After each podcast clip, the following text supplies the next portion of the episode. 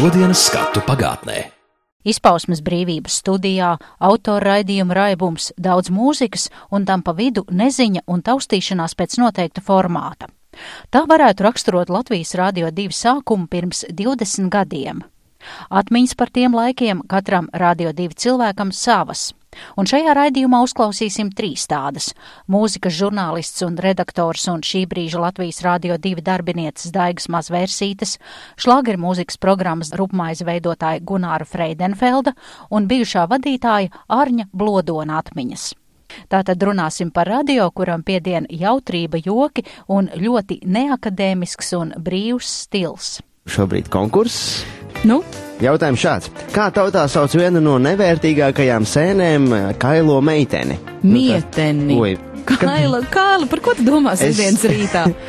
es vēlamo uztver par acīm redzamo. Man arī tā šķiet, jā. Kad tad vēl, ja ne sveicot kolēģis 20. jubilejā, var sniegt ieskatu arī šādām ēterā izskanējušām runām. Bet tagad nedaudz nopietnākā tonī palūkosimies uz 1995. gada nogali, kad šī kanāla iedvesmotājs, toreizējais reklāmas daļas vadītājs Dzintris Kolāts, tika iecelts par Latvijas radio ģenerāldirektoru un Radio 99,5, tāds tolaik bija Latvijas Radio 2 nosaukums, vadības grožus uzticēja Arnim Blodonam. Kā tas tur sanāca, sākumā grūti spriest. Reitingi nebija tik, eh, teiksim, godīgi, ja teiksim, šodien tie reitingi ir stipri vien augstāki, ja, un toreiz mēs tā mēģinājām to visu sabalansēt, gan ar runu, gan ar mūziku, kur arī nebija īsti skaidrs, kas ir formāts un kādā veidā tad tagad vajadzētu ko spēlēt, bija tā diezgan liela krosula bļoda. Toreiz šajā radio darbojās mūzikas dienas darbinieki Gunārs Freidenfelds un Daiga Mazvērsīte. Bijušie jauniešu programmas dzirkstela veidotāji Olga Rimšāne, Andra Žaleiko, tagad Alksne, programmas taksfrī vadītāji Ārnis Blodons un Elvis Jansons un tā brīža visampelīgākie ēteru runātāji Ārnis Kundziņš, Roberts Gobziņš un Ēriks Loks no Zvaigznīšu brīža un estrādes serpentīna. Zelta prāga, zelta prāga, prāga senā. Pastāsti, kur mīt, kur mīt mans Jānušeks. Kāpēc atkal trešo stundu nenāk? Jānušeks, Jānušeks, Jānušeks. Tad bija zvaigznīšu brīdis, kuru mm, tie, kas ir manas paudzes cilvēki, atcerās un, un smaida. Un, un tas bija tāds pirmais, kā lai pasakā, tā vulgāri beztolka šovs. Ja? Mm, UFO Fredis nāca pēc tam. Tad, tad faktiski šādu šovu mm, saknes nu, mēs redzam mm, tie paši Arnēs Kunziņš, Eriks Loks, tas pats UFO šeit arī bija. Ja? Gobziņš. Gobziņš, jā, tā kā es nebiju šajā šovā, bet eh, nu, es dzīvoju blakus viņiem. Jā. Tā kā nu, šiem puikām cepur nost, viņi arī atnes to brīvā radio izpratni, ka var runāt pie mikrofona. Visu. Toreiz vienaldzīgo nebija, vai nu super patika, vai nu tā bija baigi nignie, jā. Nu, bet pārsvarā jau cilvēkiem patika.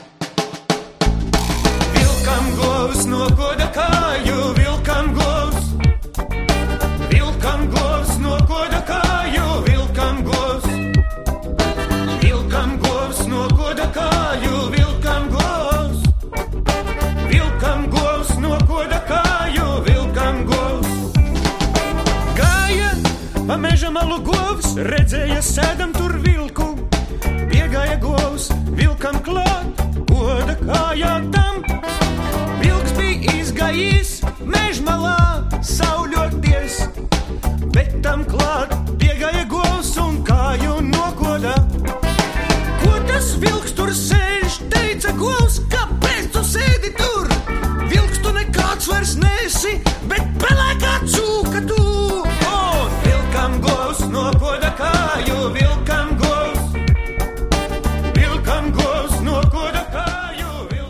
Ja iesākumā radio 99,5 skanēja tik 8 stundas no 4 pēcpusdienā līdz pusnaktī, tad 96. gada sākumā raidlaiks palielinājās no 12 dienā līdz 12 naktī.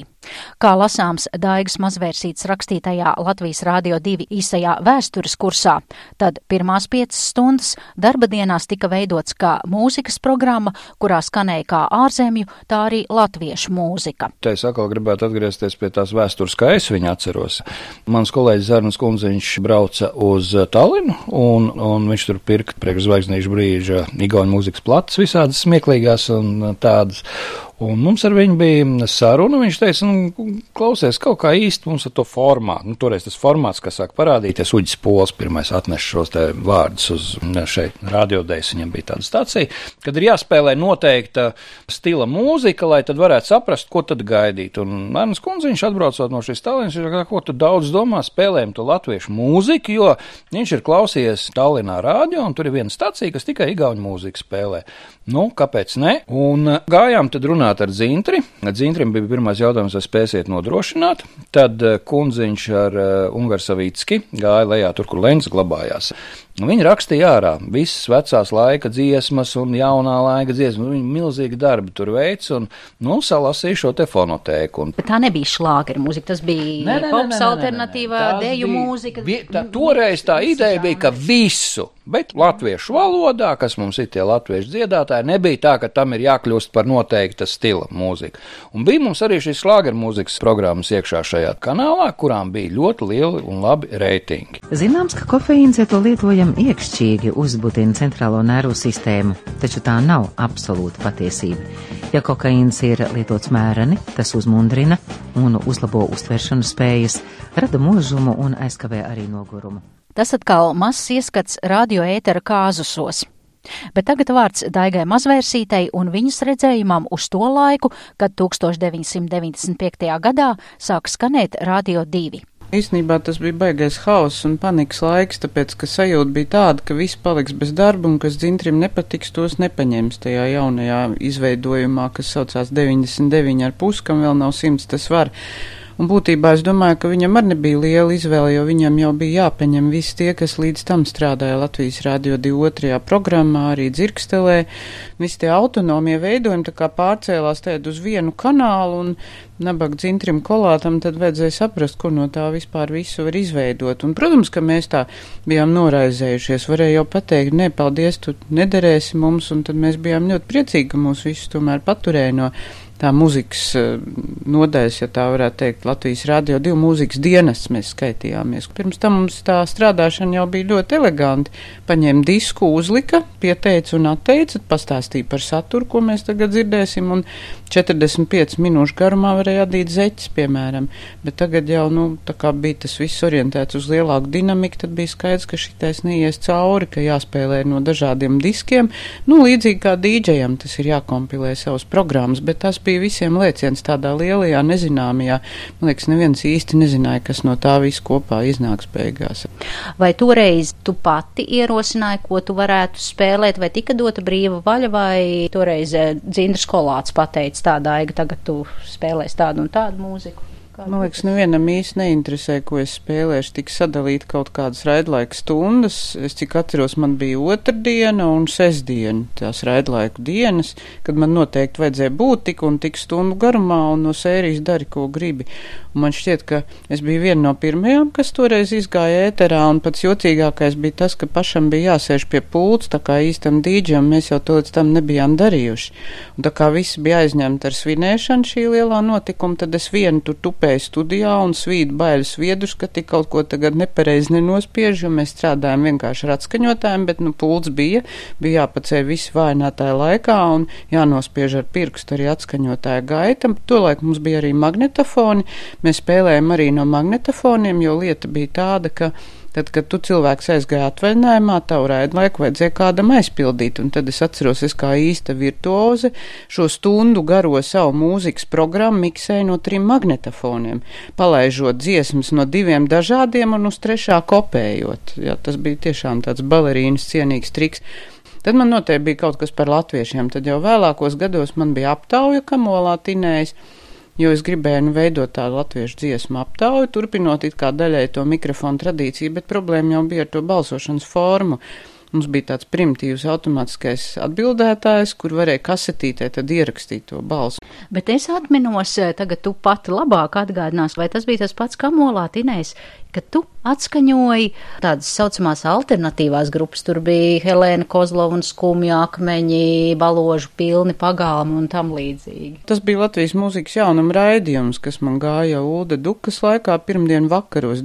Tāpēc, ka Uldas Duka saprata, ka ar mani cīnīties ir diezgan bezcerīgi, jo viņš man regulāri zvanīja uz ēteru un teica, kāpēc to smurgu spēlējot, jo man bija pārliecība, nu, ka arī jauniem mūziķiem ir jādod tribīni, jo es uzskatīju, ja mēs esam tas jauniešu audzinoši izglītojošais kanāls, nu, tad kur tad citur, tad lai viņiem būtu iespēja pirmajiem dzirdēt savu mūziku, un, un grupa astronauti man vēl nesen teica, ka es esot bijusi pirmā, kas viņus esot raidījusi par rādio.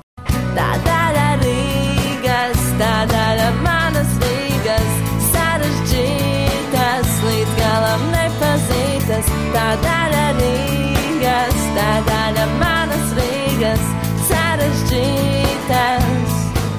Bet tiešām es tur sēdēju un, un visu kaut ko spēlēju, tur inokentī mārpli ieskaitot, un es raku arī no iepriekšējo gadu neatkarīgajiem ierakstiem, tā kā man tā diezgan liela kolekcija ir izveidojusies ar nelikvīdiem, ko es pat nezinu, ko viņiem lai tagad dara.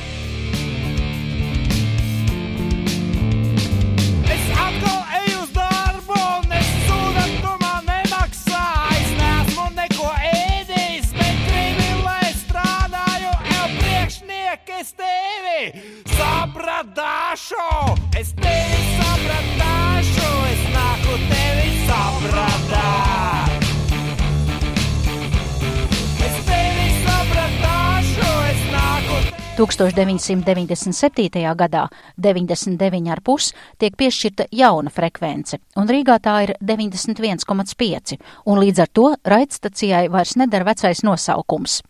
Pēc gada to nomaina uz tagadējo Latvijas Rādio 2, pastiprinās arī latviešu mūzikas atskaņošanas pārsvars, un 1998. gada rudenī vadības grožus pārņem nu jau aizsaulē aizgājušais Uldis Duka. Pirms tam zināms kā mūsu radio skaņu ierakstu producēšanas daļas vadītājs un arī kā Saukrastu kapelas mūziķis. Tajā mirklī, kad Ulds kļuva par direktoru, visa ārzemju muzika no plaukta pazuda. Bet, eh, kas attiec uz to žanrisko ievirzi, jā, viņam bija uzskats, ka pircējs ir tas, kurš balso ar savu maciņu, un līdz ar to kādu muziku pērk, tad tāda mums arī radio jāraida. Šī tā saucamā audzinošā funkcija tika nokraut lielā mērā uz maniem pleciem tieši ar šo Latvijas mūzikas jaunumu raidījumu un arī uz Latvijas radiofonoteikas raidījumu, kur tad es drīkstēju spēlēt šos nelikvīdus vai šos murgus, tādā veidā attaisnojot to, ka mēs neizdabājam tikai tādām klajām patērētāju interesēm. Bet uh, Uda lielākais nopelns bija, ka viņš to mūsu vēlmi ķerties pie latviešu muzikas radiostacijas veidošanas noveda līdz komerciāli veiksmīgam rezultātam. Viņš pārliecināja Latvijas televīzijas un radio padomus locekļus, ka tas ir nepieciešami. Tika piešķirta papildus raidītāji un arī šī tagadējā frekvence. Udim vienmēr bija par visu viedoklis, un viņš ārkārtīgi rūpīgi sekoja līdz programmai. Man bija tāds iespējas, ka viņš pat naktī ieslēdz radio, lai paklausītos, kas skan, jo pakāpeniski viņš panāca arī to, ka mēs no dažu stundu radiostacijas pārgājām uz pilnu formātu raidīšanu, tātad uz šo diennakts raidīšanu, un tas bija viņa uzstādījums, ka tas arī ir jāpanāk, ka tas ir ļoti būtiski, lai mēs kā radiostacija vispār varētu eksistēt. Nu, tas viņam, protams, izdevās.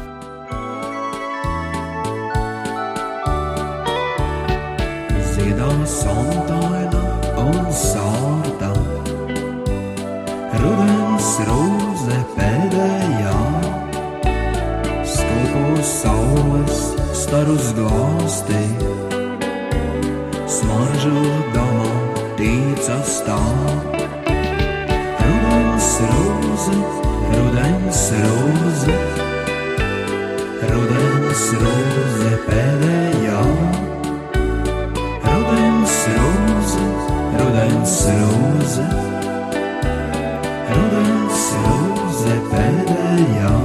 Starp citu, es Dzintrim Kolātam, kad viņš vēl bija šī kanāla direktors, vienā no balītēm teicu, Dzintri vajadzētu taisīt latviešu muzikas rādio. Viņš teica, muļķības tur taču nebūs ko spēlēt. Un jāsaka, ka Latvijas televīzijas un rādio padomēji bija arī līdzīgs viedoklis, jo es nezinu, vai viņi baidījās, ka tas kļūs par vecā ratiņa aptaujas pielikumu vai par kaut ko tam līdzīgu, bet tiešām daudziem cilvēkiem nebija priekšstats, cik daudz mūzikas mums jau ir un cik reāli mūzikas daudz tiek izdots, jo 90. gadu beigas bija tāds burtiski bums, ka, nu, man liekas, katru dienu iznāca pa kādai kasetē, vēlāk kompaktdiskiem, ko spēlēt tiešām bija. Nu, cik tur graudu un cik sēnēl, to mēs tagad redzam, cik ir palicis no tiem laikiem.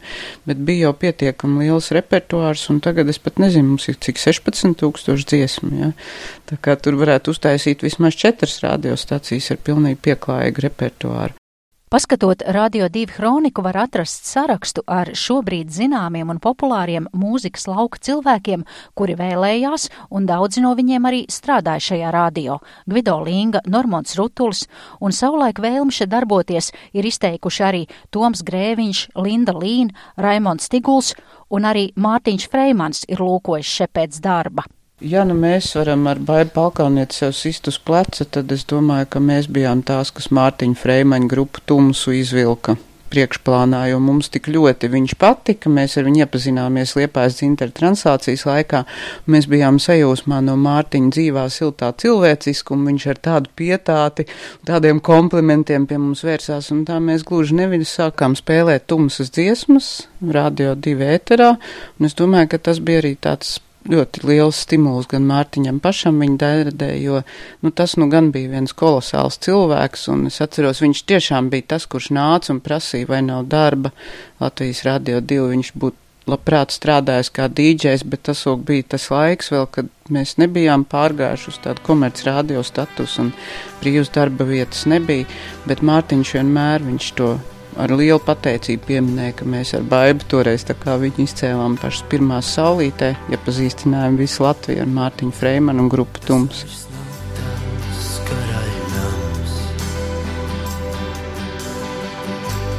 Ne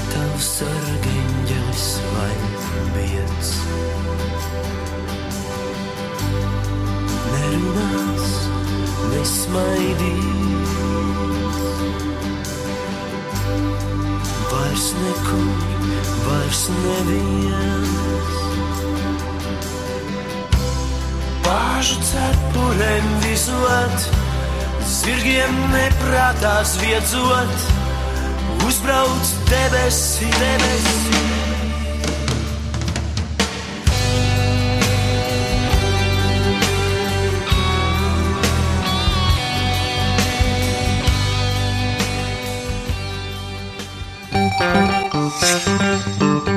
Reiz radio. Jā, izgāja kasetes arī spēlējām sākumā, un uh, tas bija viens traka problēma. Ja es pareizi atceros, tad vispār bija kaut kādi 3-4 CD bija iznākuši ar latviešu estrādes muziku vai šlāgeru muziku. Andrim Daņļenko bija pirmais solo albums, kas tur vēl bija Rozenštrauks laika, kad 3-4, un tad mēs tur kopējām visu to vēl no tām lentām. Tā stāsta komponists Gunārs Freidenfelds, kurš ilgus gadus vadīja latviešu mūzikas raidījumus Gadalaiki un Rupmaize. Rupmaize.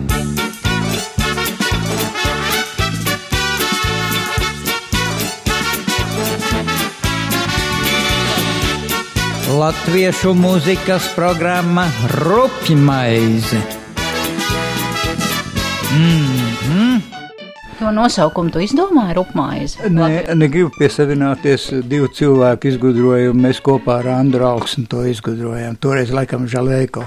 Mēs kopā veidojām tur to pašu pirmsākumu, un mēs gribējām vispār to nevis rupju maizi, bet bez tā jēburtiņa rupmaize. Nu, kā tas ikdienā skan, bet mums neļāva to, jo tas bija jāliek arī viļņos iekšā un tā tālāk. Lai nu būtu pareizi, tad bija rupju maize. Jā, to mēs ar Andris domājam. Tu jau man vēl tagad sauc par maizīti. Nu, es, jā, es arī vienmēr es tev, nu, jā, ir Atcerās, ka rupmaize. rupmaize, jā, vai rup, man pat vien brīdi sauc par rupmaize kārtojumu. Kāpēc tev tā rupmais bija īpaša ar ko? Nē, nu īpaši bija, ka tur bija tikai, pirmkārt, tāpēc tas bija mans raidījums. Otrkārt, ka, nu, tas pats sākums, jo es patiešām atceros, ka toreiz tas bija vienīgais no paša sākuma, kur tikai latviešu valodā skanēja, un es laikam esmu arī tāds cilvēks, kam tas ir interesanti un, un galvenais arī svarīgi, lai skanētu gan tiem muziķiem, kuri paši rada, gan tiem, kuri nu, ieraksta tās dziesmas, jo tā ir kaut kāda tāda, nu, ar viņu popularizēšana. Nu, tāpat man likās, ka ļoti svarīgi popularizēt to, kas ir. Var jau, protams, pasmieties par to, kā te, ko viņi tur to šlāgers vai gritīgi nozāģēt fūzīti, un, bet vienmēr tas ir pastāvējis līdzās tā populārā dziesma, ka, nu, šlāgers tas tāds, nu, kā saka, vācisks aizņēmums, vienkārši dziesmas, kas ir ļoti populārs, populāri hiti, tautā populāri. Roka mūzika arī, jā, protams. Ko tu atceries, kur bija tā ejošākā dziesma cauri laikiem tavā rupmaizē, ko cilvēki ļoti labprāt gribēja dzirdēt? Zemenes tu... man šķiet. Nē, nu zemē, jā, zemenes, tieši tā būja arī autortiesību balvu šī dziesma. Tas arī tā, nu, tas ir tomēr rādītājs, ka tas kaut kas ir, nu, ne nevelti gadiem iet, iet, iet, iet, un tā dziesma skan un skan un skan, un nezinu vai apnīk, es arī labprāt viņu paklausos. Hey!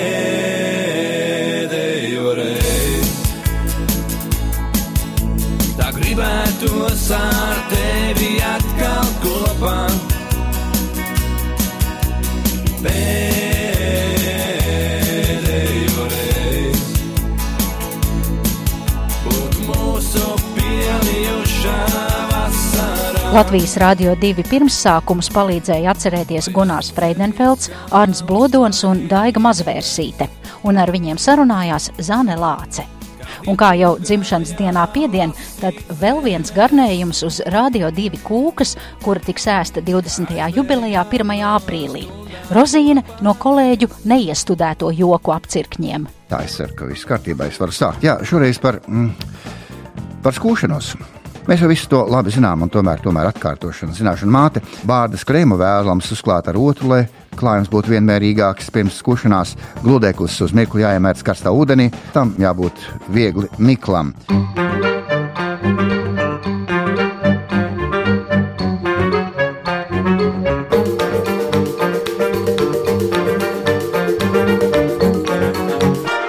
Reiz radio. Reiz radio ar šodienas skatu pagātnē.